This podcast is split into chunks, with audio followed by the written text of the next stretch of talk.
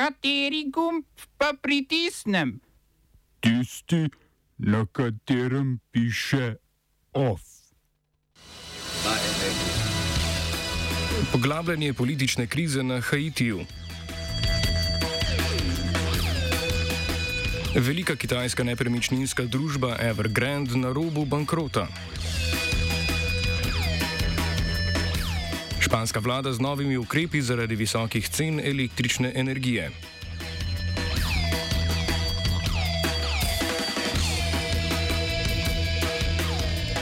Nekdanja direktorica televizije Slovenije Natalija Gorščak neuspešna v pritožbi na razrešitev. V kulturnih novicah stari novi nasvidenje v naslednji vojni.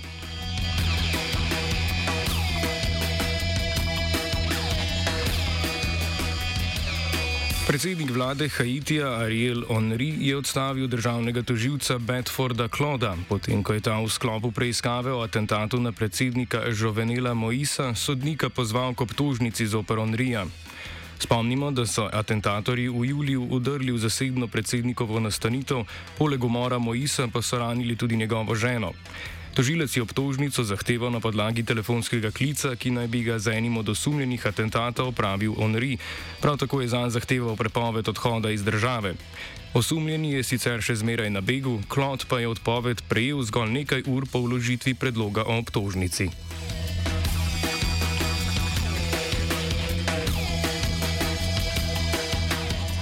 Kitajsko ministrstvo za stanovanja ter razvoj mest in podeželje je večje kitajske banke obvestilo o tem, da nepremičninski gigant Evergrande ne bo mogel plačati obresti z zapadlostjo 20. septembra na svoje dolgove. Še predtem je borza v Šanghaju v ponedeljek ustavila trgovanje z delnicami podjetja, potem ko je njihova cena padla za več kot 30 odstotkov. Evergrande se je v zadnjih letih sicer zadolžil za več kot 250 milijard evrov, vendar je bil po sprejemu novih regulacij od dopustni višini dolgov nepremičninskih podjetij v lanskem letu prisiljen k razprodaji svojega imetja po vedno manjših cenah. Evergrande je bilo drugo največje nepremičninsko podjetje na kitajskem. Približno milijon in pol ljudi je družbi že plačalo depozite za stanovanja, ki morda, če Evergrande propade, ne bodo zgrajena, zato pred sedežem podjetja že dva dni potekajo protesti. Oči nesojenih stanovalcev in lastnikov dolga so zdaj uprte v kitajsko vlado, ki zaenkrat ni nakazala pripravljenosti za reševanje podjetja. Za primerjavo, dolg Evergrande znaša približno polovico dolga nekdanje ameriške banke Lehman Brothers, ki je propadla na tanko pred 13 leti, s čimer se je začela tudi akutna faza največje globalne finančne krize zadnjih desetletij.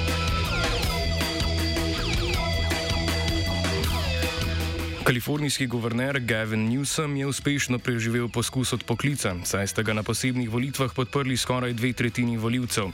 Temu, da je do teh volitev v trdno demokratski Kaliforniji sploh prišlo, je močno obotrovala kombinacija spleta okoliščin in slabih Newsomovih potez. Zaradi COVID-nih ukrepov je sodišče podaljšalo čas, ki je bil na voljo za zbiranje podpisov za pobudo za posebne volitve. Ravno v tem času pa so Newsoma kamere ujele pri kršenju lastne zapovedi prepovedi druženja. Njegov republikanski nasprotnik je bil pro-trumpovski radijski voditelj Larry Elder.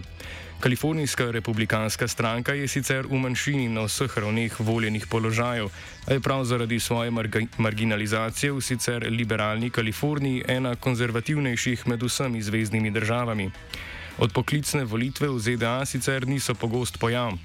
Do sedaj so v celotni zgodovini potekale štiri, od tega tri v zadnjih 20 letih in dve v Kaliforniji. Pred 18 leti je Arnold Schwarzenegger terminiral mandat demokrata Garyja Davisa, The Governator pa je še danes zadnji republikanec, ki je uspel zmagati na celotno državnih volitvah v Kaliforniji.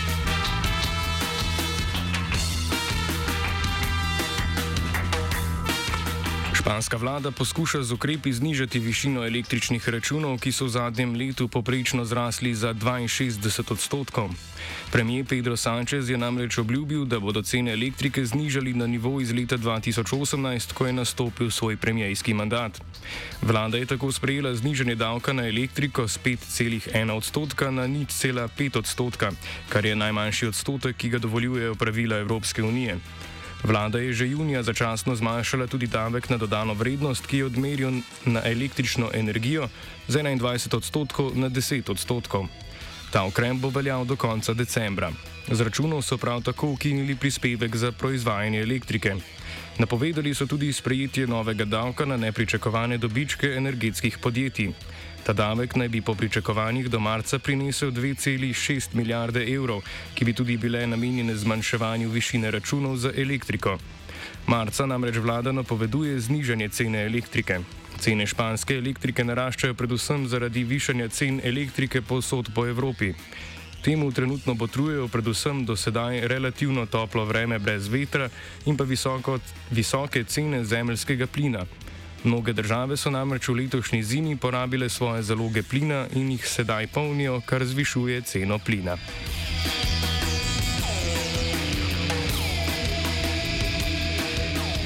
Eksistencialne krize zaradi ukrepov za zaizitev epidemije ne doživljajo samo vse množičnejši slovenski proticepilci, ki se bodo danes popovdne zbrali na trgu republike, kjer bodo protestirali proti upoštevanju načela PCT, temveč hude bitke bijajo tudi na Hrvaškem.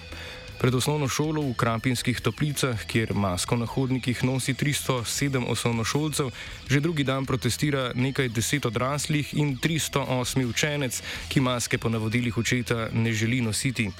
Policija je očetu Kristjanu Gačini, sicer veteranu odcepitvene vojne, na vetrobransko steklo zataknila več kazni, med drugim seveda tudi kazen za kršenje proti epidemioloških ukrepov, a ga to ni odvrnilo od protestiranja proti, kot temu sam pravi, novemu holokaustu. Zaradi kriznih razmer pred šolo so organi pregona na pomoč priklicali tudi skupino za psihološke krizne intervencije Ministrstva znanosti in izobraževanja ter varuhinjo otrokovih pravic Helinco Pirnat Dragičevič, a jim niti skupnimi močmi ni uspelo osnovnošolca spraviti v prostore šole pod zakonitimi pogoji.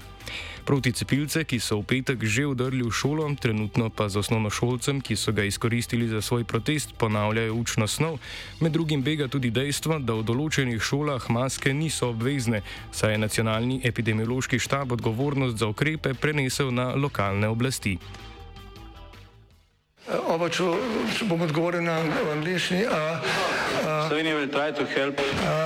We can Slovenija will and we will do our utmost To say that the situation is, our problem ourselves. and uh, We will make further steps as soon as the conditions are. bomo vlado Marjana Cererja, Mira- Marjana Cererja Šarca podprli. uh, very, very serious. we know how and we will. Delovno in socialno sodišče v Ljubljani je zavrnilo predlog odstavljene direktorice RTV Natalije Gorščak o izdaji začasne odredbe zoper njeno razrešitev.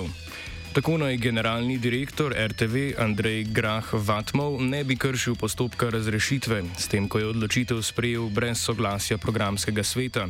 Spomnimo, da je bila seja programskega sveta, na kateri so odločali o razrešitvi, nesklepčna zaradi premajhne udeležbe, zaradi česar ima generalni direktor možnost, da odločitev sprejme sam. Sodišče je poleg tega ugotovilo, da pri razrešitvi ni prišlo do, do odpovedi pogodbe o zaposlitvi, iz krivdnih razlogov, temveč naj bi do prenehanja prišlo iz razlogov, zaradi katerih je bila pogodba sploh sklenjena. Gorščak sicer skuša na sodišču dokazati, da je bila razrešena protipravno, o čemer pa bo sodišče odločalo po presoji dokazov.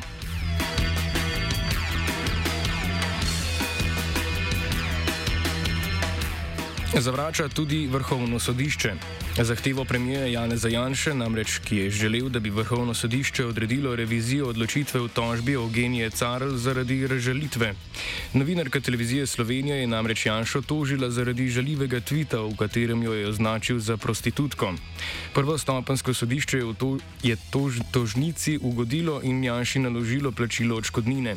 V zavrnitvi revizije so sodniki povdarili, da uporaba Twitterja nikomur ne podeljuje neomejene pravice sporočanja. OF je pripravilo aktualno politično uredništvo.